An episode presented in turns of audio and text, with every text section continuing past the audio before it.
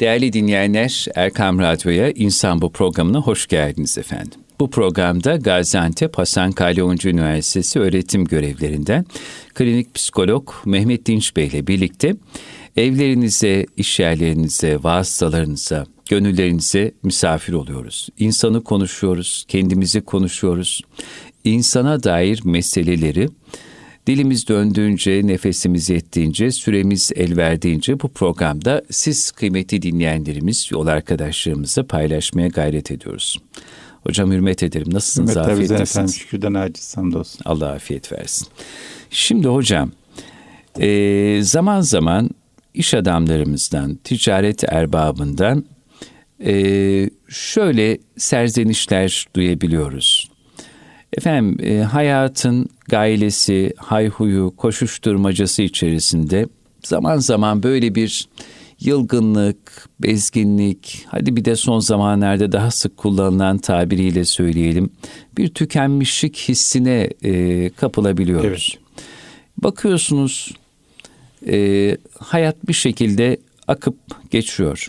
İşler yolunda olsa da o ticari hayatımızda ya da işte istediğimiz gibi gitse de bir şeyler olmuyor. Yani bir şeyler e, tıkanıp kalıyor. Böyle bir darlanma hissediyoruz. Bir e, yılgınlık hissiyatı kendini gösteriyor. Ya bu durumlarda ne yapmak lazım? Evet. E, kalbimize nasıl çeki düzen vermek, düşüncelerimizi nasıl filtrelerden geçirmek lazım ki bu tükenmişlik, bezginlik ve yılgınlık hallerinden e, uzak duralım. Evet bu konu hakikaten çok önemli bir konu çünkü e, çok sayıda ticarette iştigal eden ya da hmm. işinde gücünde olan insanımızın bu şekilde bir e, içsel zorluk yaşadığına şahit oluyoruz. Neden e, olur hocam bu? Çok sebebi var. Evet. E, ama üzerinde durulmazsa bu içsel zorluklar e, hem kendisi için hem çevresi için oldukça sıkıntılı süreçleri onları götürebilir. O yüzden e, bu içsel zorluğu neden yaşıyorlar meselesi üzerinde hakikaten çok boyutlu olarak durmak lazım. Mesela baktığımızda e, bu içsel zorluğu yaşayan insanların en büyük problemlerinden bir tanesi yaptıkları şeylerin onlar için çok anlamlı olmaması. Yani tamam dükkan açıyoruz, tamam ticaret yapıyoruz ama alıyorsun satıyorsun ne olacak yani ne kadar kıymetli, ne kadar önemli bir iş yapıyoruz diye düşünüyorlar. Öte taraftan da başka insanların yaptıkları işi kıymetli görüyorlar. İşte hmm. diyor ki ya diyor işte doktor hayat kurtarıyor diyor. Ne bileyim bir öğretmen bir çocuğun dünyasını değiştiriyor diyor. Ya da işte siz radyoda milyonlara belki ulaşıyorsunuz diyor vesaire. Ee, başka insanların yaptıklarını çok çok büyük, etkili, önemli, anlamlı görüyor ama kendi yaptığını büyük, etkili ve anlamlı görmüyor. Halbuki baktığımızda günlük hayatın işleyişinde ticaret yapan insanların, esnafın, tüccarın varlığı olmazsa olmazdır. Onlar olmasa, onlar ticaretlerini yapmasa, ihtiyaçlarımızı karşılamasalar, ihtiyaçlarımızı bize getirip sunmasalar ne doktor işini yapabilir, ne öğretmen eğitimini verebilir, ne biz radyoda başka bir şey yapabiliriz. Günlük hayatın görünmez kahramanları onlar. Mekanizmayı işleten, sistemi işleten ve bize güven telkin eden insanlar. Yani baktığınızda bugün ülkemizin her köşesinde mahallelerde bir şekilde esnafımız var. Dükkanlarımız çalışıyor, ticaret yapan insanlarımız var. Ee, bir malzemeye ihtiyaç duyuyorsunuz. Bakıyorsunuz dünyanın öbür ucundan getirmişler. Bir insan risk almış, para yatırmış, para bağlamış, irtibat kurmuş dünyanın öbür ucundaki bir firmayla. O irtibat sonucunda anlaşma sağlamışlar. O yola çıkmış, gelmiş buraya depoda işte gemiyle gelmiş, depoya gelmiş vesaire vesaire bize gelmiş, ulaşmış. Bütün bunların olması arkasında yüzlerce binlerce insanın emeğini beraberinde getiriyor.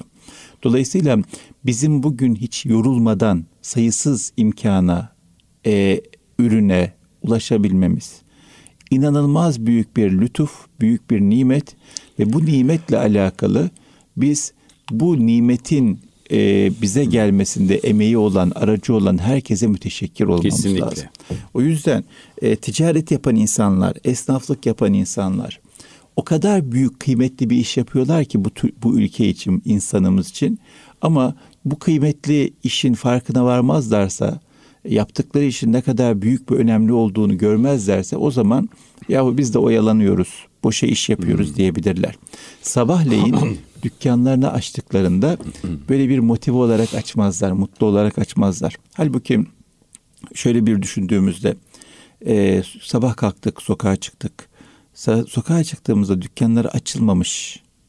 Bir korkarız ne oluyor deriz Tabii. ya. Niye dükkanlar Tabii. açılmadı? Bir Olağanüstü bir hal mi var Tabii olağanüstü bir hal mi var? Yani günlük hayatta güven sembolü dükkanların açılıyor olması, insan, insanların işine gidiyor olması, ticaretin devam ediyor olması. Ya da e, sabahleyin erkenden yola çıktık.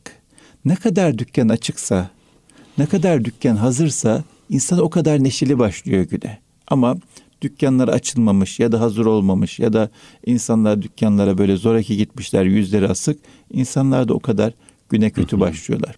O yüzden e, en küçüğünden en büyüğüne ticaretin her kademesinde olan, işin her kademesinde olan insanların yaptıkları büyük kahramanlıktır. Bu yaptıkları işin farkında olmaları lazım bu bir. Yani günlük hayatta bütün ülkemizdeki insanların ihtiyacını karşılamakla alakalı çok büyük bir vazife görüyorlar. Bu ihtiyacı sadece fiziksel olarak karşılamıyorlar. Aynı zamanda her şeyin normal gittiğine, güvende olduğuna, problem olmadığına dair psikolojik ihtiyacımızı da karşılıyorlar. Bu çok önemli Çok. bir şey. İkinci Bunun olarak- farkında olmamız lazım. bunun muhakkak farkında olmamız lazım. Yani ben dükkanı açtığımda sadece dükkanımı açmıyorum. sadece kendim için açmıyorum. Sadece çoluk çocuğum için açmıyorum. Aynı zamanda bütün mahalle için açıyorum. Bu dükkanın önünden geçen herkes için açıyorum.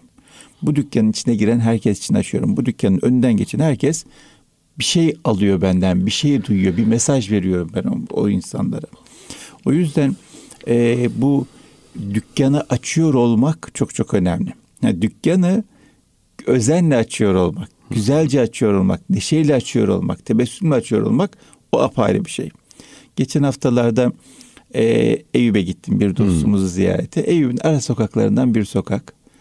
E, bir baktım çok eski bir dükkanın yani içi eski, bina Evet. eski ama e, dükkan önü cam mekanına çok güzel çiçekler koymuş. Ya dedim bu adam ne iş yapıyor acaba? Yani çiçekçi değil. Ne iş yapıyor bu kadar? Camcı.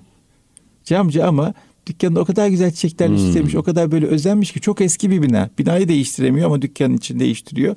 Böyle içim gitti. O dükkanı gördüm. İçinize bir ferahlık Ferahlık geldi. geldi. Çok Evet. mutlu oldum. O yüzden yani biz dükkanımızı açtığımızda, ticaretimizi yaptığımızda, iş yerimizde otururken, e, işimize gittiğimizde yaptığımız hareketlerimiz, iş yerimize bakışımız, iş yerimize bakışımız, özenimiz, e, gelen insana muamelemiz çok büyük bir mesaj veriyor herkese. Hem bize hem yanımızdaki çalışan insanlara, beraber çalıştığımız insanlara, komşularımıza ve bizden hizmet alan insanlara. O yüzden bu mesajı güzel bir mesaj vermek var. Doğru bir mesaj vermek var. iyi bir mesaj vermek var. Kötü bir mesaj, olumsuz bir mesaj, mutsuz bir mesaj vermek var. Biz hangisini seçeceğiz? Bugün dükkanımızı açtık. Bugün işimize gittik.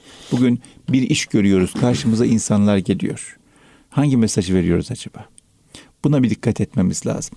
Yani bu mesajı vermek sadece bildiğimiz manada kelimelerle, konuşmakla değil. Yani oradaki o duruşumuzla, o pozitif enerjimizle, e, İşimize tebessümümüzle, özenmemizle, işimize iş özenmemizle. özenmemizle, dükkanımıza, masamıza. Hadi dükkanımız yok, masamız. Bir tane küçük Tabii, masamız tabii. var. Ben geçenlerde bir devlet dairesine gitmiştim. İki tane masa var. Ee, işte sıra hangisine gelirse ona gidiyorsunuz. Bir tane masaya gittim ama bir yandan da inşallah o masaya giderim diye dua ediyorum. Çünkü Hmm. masanın üzeri öyle güzel düzenlenmiş, çiçekler Hmm. var. Böyle sıralı bir şekilde kalemler, kağıtlar, renkli renkli böyle özenilmiş. Ötekinde de hiçbir şey yok dümdüz. Bir tane bilgisayar, bir tane öylesine konmuş kağıt kalem o kadar hiçbir şey yok. Dedim ki inşallah öteki masaya giderim. Halbuki yok aynı muamele yapılacak, aynı iş yapılacak. Orada olup olacağım bir dakika, iki dakika. Tabii. Ama kalbim o masadan, o insandan hizmet almak istiyor. Çünkü o masanın o düzeni, o masadaki insanla alakalı da bir şey söylüyor bana. Doğru. Yani ne kadar az vakit geçiriyor olursam olayım, o insandan ben güzel bir hizmet alacağıma dair, o insandan alacağım hizmetin bana hayır getireceğine dair, iyi olacağına dair bir algı oluşuyor. Çok Niye? güzel. Çünkü masası belli. O yüzden e, iş yerimiz, yaptığımız işimiz çok kıymetli, Çok. özenmemiz gerekiyor. Davranışlarımıza da özenmemiz gerekiyor, ilişkimize de özenmemiz gerekiyor. Ülkem Daha- için ne yapabilirim sorusuna verilecek en anlamlı cevaplardan biri işimizi titizlenerek, Evet. tazim göstererek en güzel Aynen şekilde öyle. yapmak bu ülkeye, bu millete büyük bir hizmettir. Kesinlikle öyle. Bazen bunu atlıyoruz. Atlıyoruz yani çok tabii. önemli değil gibi geliyor ama en önemli şeylerden bir tanesi bu.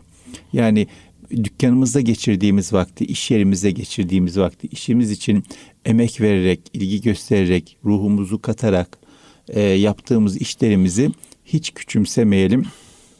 E, bu bizim o süreç içerisinde geçirdiğimiz her vakit kıymetli. Şimdi bir tane öğrencim geldi ki dedi ki hocam dedi size bir soru sormak istiyorum. Ee, ben dedim kardeşim benimle vakit geçirmek istiyor. ilgilenmemi istiyor. Biraz zor bir dönemden geçiyor. Ama ben de terapilere bu dönemde biraz ilgi, vakit ayırmam gerekti. Kardeşimle her gün görüşüyorum ama onun istediği kadar vakit ayıramıyorum. Ee, kendimi suçlu hissediyorum. Başka insanlarla ilgileniyorum. Onunla ilgilenemiyorum diye. Ya dedim sen işini yapıyorsun. Başka insanlarla ilgileniyorsun değil de ondan çalıyorsun demek değil. Bu senin maişetin. Sen buradan paranı kazanıyorsun, geçimini temin ediyorsun, hayatını işini yapıyorsun ve bunun için okudun. İnsanlara faydalı oluyorsun. Tabii. Bunun için okudun. Dolayısıyla kardeşini ihmal etmediğin sürece, düzenli vakit ayırdığın sürece e, işine de muhakkak odaklanman lazım. Çünkü işin senin keyfi olarak yaptığın bir şey değil. Ayakta durmak için yaptığın bir şey. Ayakta durmak, kimseye yük olmamak, kendi maişetini kazanmak en kıymetli şey. Dediğiniz gibi bu ülkeye yapılacak en büyük hizmetlerden bir tanesi. Bu noktada beni çok etkileyen e, bir hikaye anlatmak isterim. Lütfen, lütfen efendim. Şimdi Buyurun. malumunuz Malezya'da bir ülke var. Malezya çok güzel bir ülke. Harikulade Gittiniz mi? ülke. Gittim. Hmm, ne 3-4 güzel. defa gittim hem de ve kaldım. Oh. Baştan başa da gezdim. Ailece de gezdik. Çok o yüzden Malezya'ya karşı benim çok muhabbetim vardır. Malaylara çok muhabbetim vardır. Malezya tarihiyle de ilgilenirim. Ne olmuş Hmm. ne bitmiş diye. Bir Malay arkadaşım şöyle bir şey anlattı. Çok dikkat çekici bir şey benim için. Dedi ki malum o bölgeyi İngilizler işgal etmiş. Sonra mücadele ediliyor, uğraşılıyor, didiniliyor vesaire. 1960'larda, 50'lerde e, Malaylara veriliyor. E, orada da İngilizler zamanında özellikle geçmiş. Önceden de varmış ama İngilizler zamanında daha çok geçmiş bir Çinli nüfusu var. Malaylar yönetimi almışlar, toprakları almışlar. Demişler ki biz bu toprakların yönetimden yıllarca şey kaldık, mahrum kaldık. Dolayısıyla biz bu topraklara vaziyet edelim, güçlü olalım. O yüzden Malayları Koruma Kanunu diye bir kanun çıkarmışlar. Kanunda şöyle maddeler var. İşte Malaylar devlet memuruna başvurduğunda öncelik tanınacak. İşte gayrimenkul almakla alakalı şöyle bir e, imkan sağlanacak, imtiyaz verilecek vesaire gibi şeyler. Şimdi bu kanundan sonra tabii gençler, Malay gençler devlet memuru oluyorlar. E, kazandıkları parayı eve yatırıyorlar, arabaya yatırıyorlar. Bir yandan da o ülkede yaşayan Çinliler de e, devlete memur giremiyor kolayına. E, ev araba almakla alakalı da belli limitler var. E, bir para da var ellerinde. Mecburen, zaruretten ticaret yapıyorlar. Bütün paralarını ticarete yatırıyorlar. Geleni ticarete, gideni ticarete. Devamlı ticaret içerisindeler. Nüfus yüzde yirmi falan Çin nüfusu, Çinli nüfusu. Ama buna rağmen geldiğimiz noktada bütün ekonomi çok büyük oranda Çinlerin elinde. Ve en büyük güç sahibi ülkede Çinli tüccarlar. Çok önemli bir şey.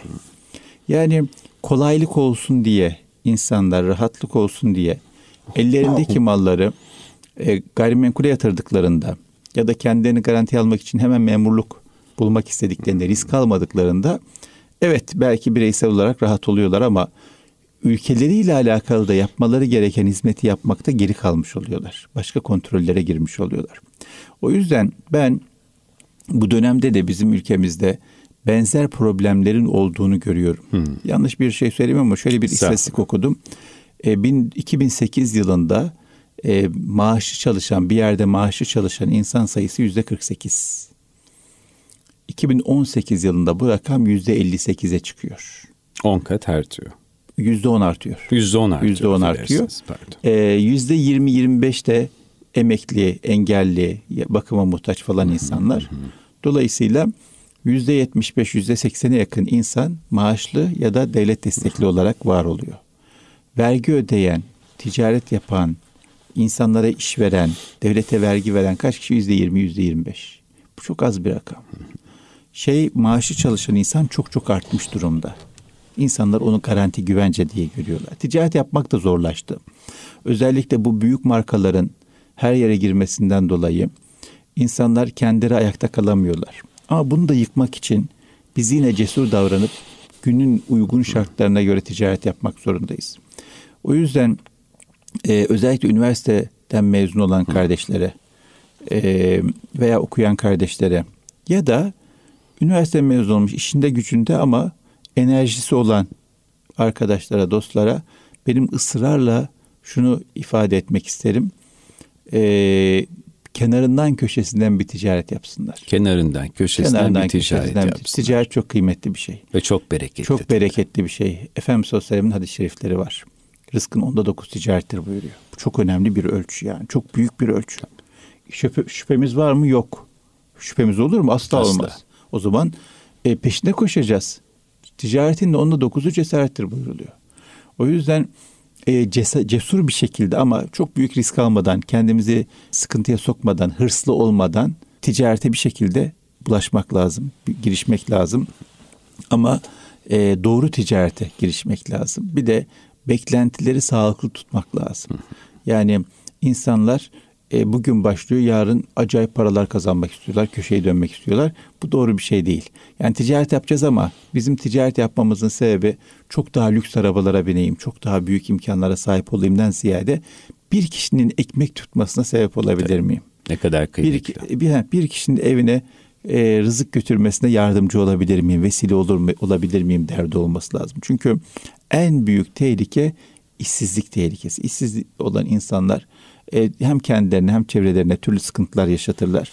Bu sıkıntının önüne geçmek için ne kadar insan ekmek tutarsa, ne kadar insana iş verebilirsek, ne kadar insana iş sağlayabilirsek bu memlekete ve insanlığa o kadar hizmet etmiş oluruz. O yüzden ticaret yapalım, kenarından köşesinden yapalım, bereketine inanalım, gayret edelim, zaman verelim, sabır gösterelim. Bir anda patlamaz olabilir. E, büyük şeyler beklemeyelim. Dürüst olmaya gayret edelim e, büyük neticeler beklemeyelim. Süreç içerisinde çok şey kazanırız. Tabii. Yani bazı şeyler görünmeden kazanırız. Kaza olmaz, bela olmaz, sıkıntı olmaz, dert olmaz, huzur olur, afiyet olur vesaire. En önemlisi bereket olur. Bereket olur. Tabii. Onları görmeyiz ama yaşarken e, içinden geçeriz. Belki geriye dönüp baktığımızda fark ederiz ama inancımız var, berekete inancımız var. O bereketin peşine koşmak lazım. O bereketle alakalı da en önemli şeylerden bir tanesi bu ticarete akıllı, e, küçük küçük, çok büyük hırslara kapılmadan bulaşmak. Benim dedemin rahmetli bir sözü var. Derdi ki al beşe sat beşe yine kalır sana bir şey derdi. Yani aldığın fiyata satsan yine bir kar edersin ondan yine bir şey olur. O yüzden e, ticarete bulaşmanın ben çok önemli olduğunu düşünüyorum. Memleketimiz için, insanımız için çok önemli olduğunu düşünüyorum. En önemlisi de bir insanın ekmek kazanmasına vesile oluyor muyuz? Aslında. Bir insanın işe girmesine vesile oluyor muyuz? O çok çok kıymetli. E, ortaklığı girebilsek ne kadar güzel. Çok büyük bir şey ama biz ortaklığı becermek noktasında biraz zorluklar yaşıyoruz. Daha Burada önce... bir parantez açalım. Buyurun.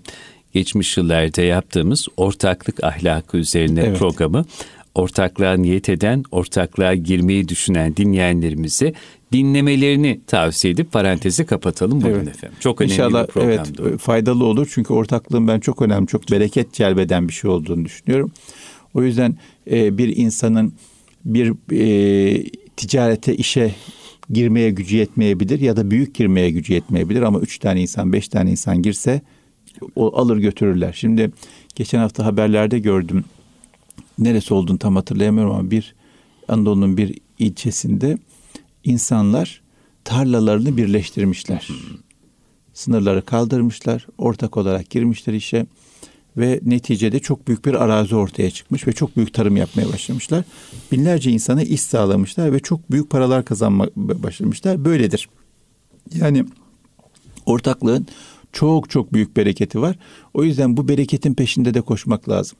Netice e, bugün üzerinde durduğumuz meseleleri toparlayayım e, bizim bir derdimiz var. Derdimiz bu hayatı dürüst bir şekilde anlamlı bir şekilde yaşamak ve bitirmek. Çünkü biliyoruz ki bu hayat bitecek bir şekilde. Bu hayatın sonuna geldiğimizde geriye dönüp baktığımızda tertemiz bir defter bırakmak önemli derdimiz. Anlamlı bir defter bırakmak önemli derdimiz. Kirlenmemiş, güzel işlerle doldurulmuş bir defter bırakmak önemli derdimiz. O yüzden e, bu derde uygun işlerin peşinde koşmamız lazım. Ama bu derde uygun işleri uzaklarda aramayalım. Belli mesleklerde, belli gruplarda aramayalım.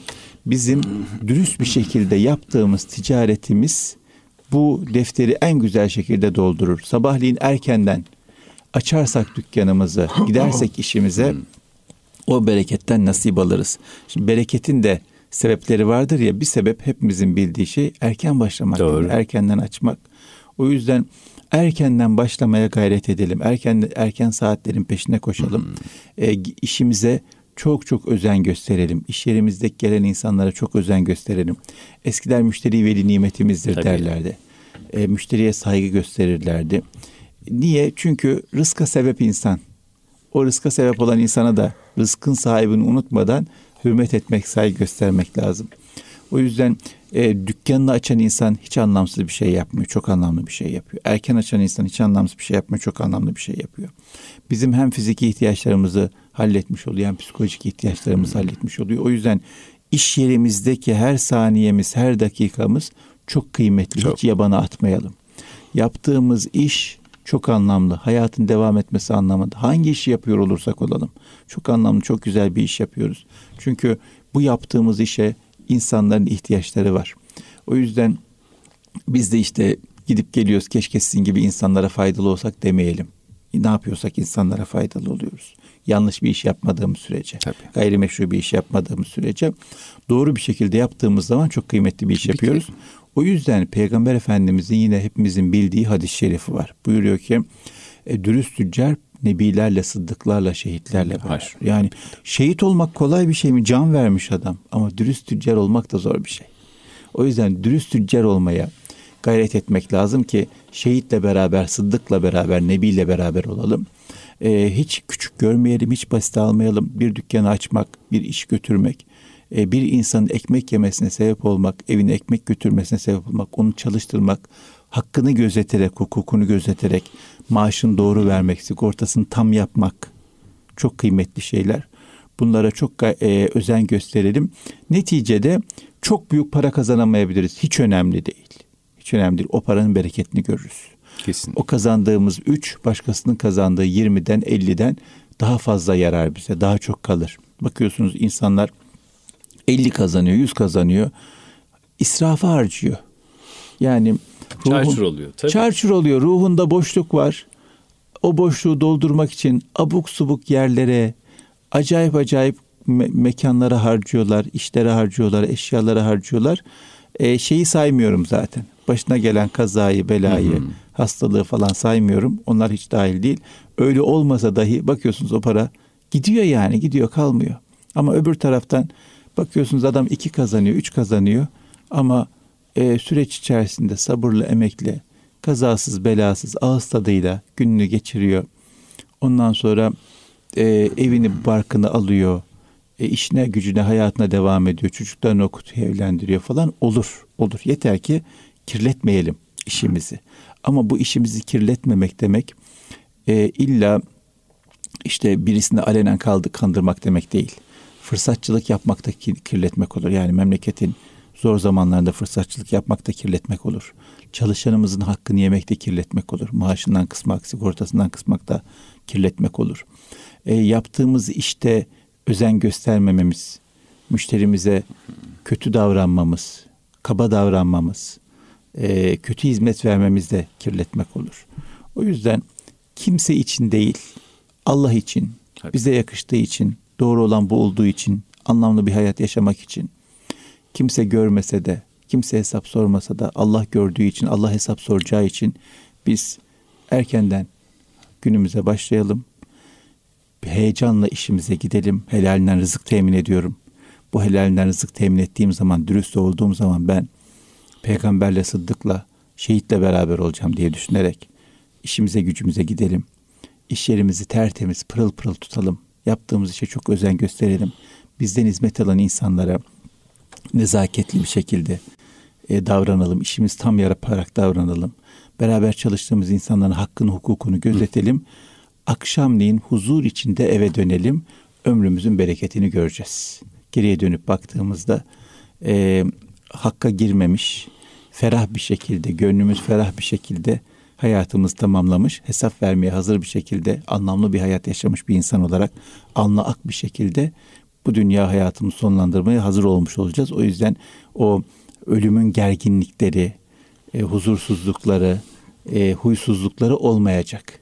Dolayısıyla e, bu ısrarla üzerinde durmamız gereken konulardan bir tanesi. Tekrar tekrar hatırlamamız gereken, aklımızda tutmamız gereken konulardan bir tanesi. Hiçbir şekilde e, rahat edemiyorsak da o zaman farklı rızık kapılarına hı hı. bakalım. Ticarete bir şekilde bulaşmaya çalışalım. Hırs yapmadığımız sürece, büyük riskler, ölçüsüz riskleri almadığımız sürece, dürüst olduğumuz sürece ticarette hep kazanırız. Ticarette kaybetmek diye bir şey yok. Ha, 100 kazanmayız, 10 kazanırız. 10 kazanmayız, 1 kazanırız ama kazanırız, kazanırız, kaybetmeyiz. O yüzden ticaret yapmaya çok çok gayret edelim.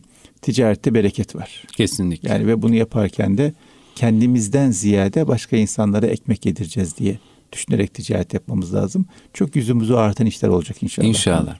Hocam biz büyük bir milletin çocuklarıyız. Gerçekten de o e, büyük ve güçlü Türkiye markasına değer katmak, zenginlik katmak, daha doğrusu bu ülkenin insanına e, bir değer katmak işte e, iştigal ettiğimiz işle, ticaretle program boyunca anlattığınız üzere hiçbir şekilde yaptığımız işi ve kendimizi değersiz görmeyerek ben bugün tezgahımı açarken, kepengimi açarken inşallah yaşadığım bu topraklara, bu vatana, bu millete, bu milletin insanlarına e, yaptığım işi en güzel bir şekilde yaparak hizmet edeceğim hissiyatıyla yapmak var ya. Evet. Hocam bu da herhalde ayrı bir cihat tabii, olsa gerek. Yani tabii. bu hissiyatla dolarak o heyecanı kuşanarak yapmak. O yüzden ne güzel söylediniz. İş insanlarımız, iş adamlarımız, ticaret erbabımız asla yılgınlık, bezginlik ve tükenmiş ikisine kapılmasınlar. Siz bu ülkeye çok büyük değerler katıyorsunuz. Çok kıymetliler. Bu kadar. Çok bu çok. ülkenin ayakta durabilmesi anlamında, sağlam durabilmesi anlamında, güçlü olabilmesi anlamında ülkeye kazandırmak anlamında Çok. olağanüstü güç, Müthiş. imkana, güce sahipler, olağanüstü öneme sahipler. O yüzden değerlerini bilsinler, işlerine, güçlerine bütün dikkatleriyle, Hı. bütün kalpleriyle, bütün zihinleriyle konsantre olsunlar e, memleket için taş üzerine taş koyanlar Allah razı olsun. Onlar taş üzerine taş koyuyorlar. Evet. Yani şeyin peşinde olmak lazım. E, devletten nasıl alırım değil de devlete nasıl, nasıl veririm? veririm? Tabii, tabii. İnsanımızdan nasıl alırım değil de insanımıza nasıl veririm?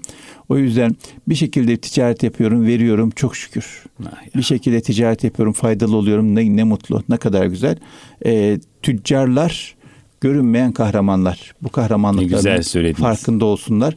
Baktığımızda bu İslam'ın yayılmasındaki en önemli amillerden bir tanesi özellikle Güneydoğu Asya'da dürüst tüccarlar olmuşlar. İşte Endonezya'nın hikayesini tabii, biliyorsunuz tabii, paylaşmıştık. Yani bu Güneydoğu Asya'da ve dünyanın her yerinde e, hırsı olmayan, adaleti, hakkaniyeti gözeten dürüst tüccarlar ahlaklarıyla insanları çarpmışlar, etkilemişler. İnsanlar sadece onların ahlakından tabii. dolayı İslam'a grup grup, millet millet girmiş. O yüzden Ticaret çok kıymetli bir şey. Yok. Tüccarlarımız çok kıymetli. Çok. Aman yılgınlığa, ümitsizliğe kapılmasınlar. Yaptıkları iş çok anlamlı bir iş ama e, büyük bir enerjiyle yaptığı işe özenerek, anlam katarak, dikkat ederek, hakkı hukuk gözeterek yapsınlar. Çünkü ödülü çok büyük, riski de çok fazla demektir. Tabii. Yani kolay bir şey olsa bu kadar büyük ödül olmaz. Peygamber Sıddık şehitle berabersin ya. ödülü var. Demek ki çok zor bir şeyden bahsediyoruz. Dürüst tüccar olmak çok zor. Bu zorluğa e, talip olsunlar, bu zorluğun üstesinden gelmeye evet. çalışsınlar. Olacak inşallah. Biz tüccarlarımıza güveniyoruz. Bakın son zamanlarda Türkiye'nin e, yurt dışı ihracatı da çok çok artmış oldu. Ama yurt dışı ihracat kadar yurt içindeki tüketimin de çok önemli olduğunu düşünüyorum ben. O yüzden ısrarla biz de memleketimizde yapılmış memleketimizin markalarından alışveriş yapalım. Onları destekleyelim. Ben gençlerle konuşurken bazen e, bu şekilde örnekler veriyorum. Bana gülüyorlar. Ya diyorum siz spor yapacağınız zaman illa şu eşofmanı giyiyorsunuz. Şu marka adını söylememişim. Şu marka eşofmana iki tane üç tane. Ya diyorum çift arslan eşofmanı giyip gitseniz olmaz mı? Ha ha ha gülüyorlar hocam. Olur mu çift arslan eşofman? Olur niye olmasın yani? Ötekisi oluyor. Ötekisinin anlamı var? Veya öz kardeşler ayakkabı giyseniz olmaz mı? Olmaz hocam gülüyorlar. Olur mu? Niye? Şu A marka B marka. Ya onların manasını bilmiyorsun ki. Popüler diye evet. cazip görünüyor ve kullanıyorsunuz. Halbuki memleketin markasını kullanın. Memleketin e, insanı kalkınmış olsun. Bu konuda da hepimizin bir hassasiyetin olması lazım. Yani tüccarlarımız bir yandan çok kıymetli bir iş yapıyorlar. Enerjilerini korusunlar, dürüst olmaya gayret etsinler ama biz de bir yandan bütün alımlarımızı onlara döner, yönelterek onları desteklemiş olalım. Bu da çok önemli.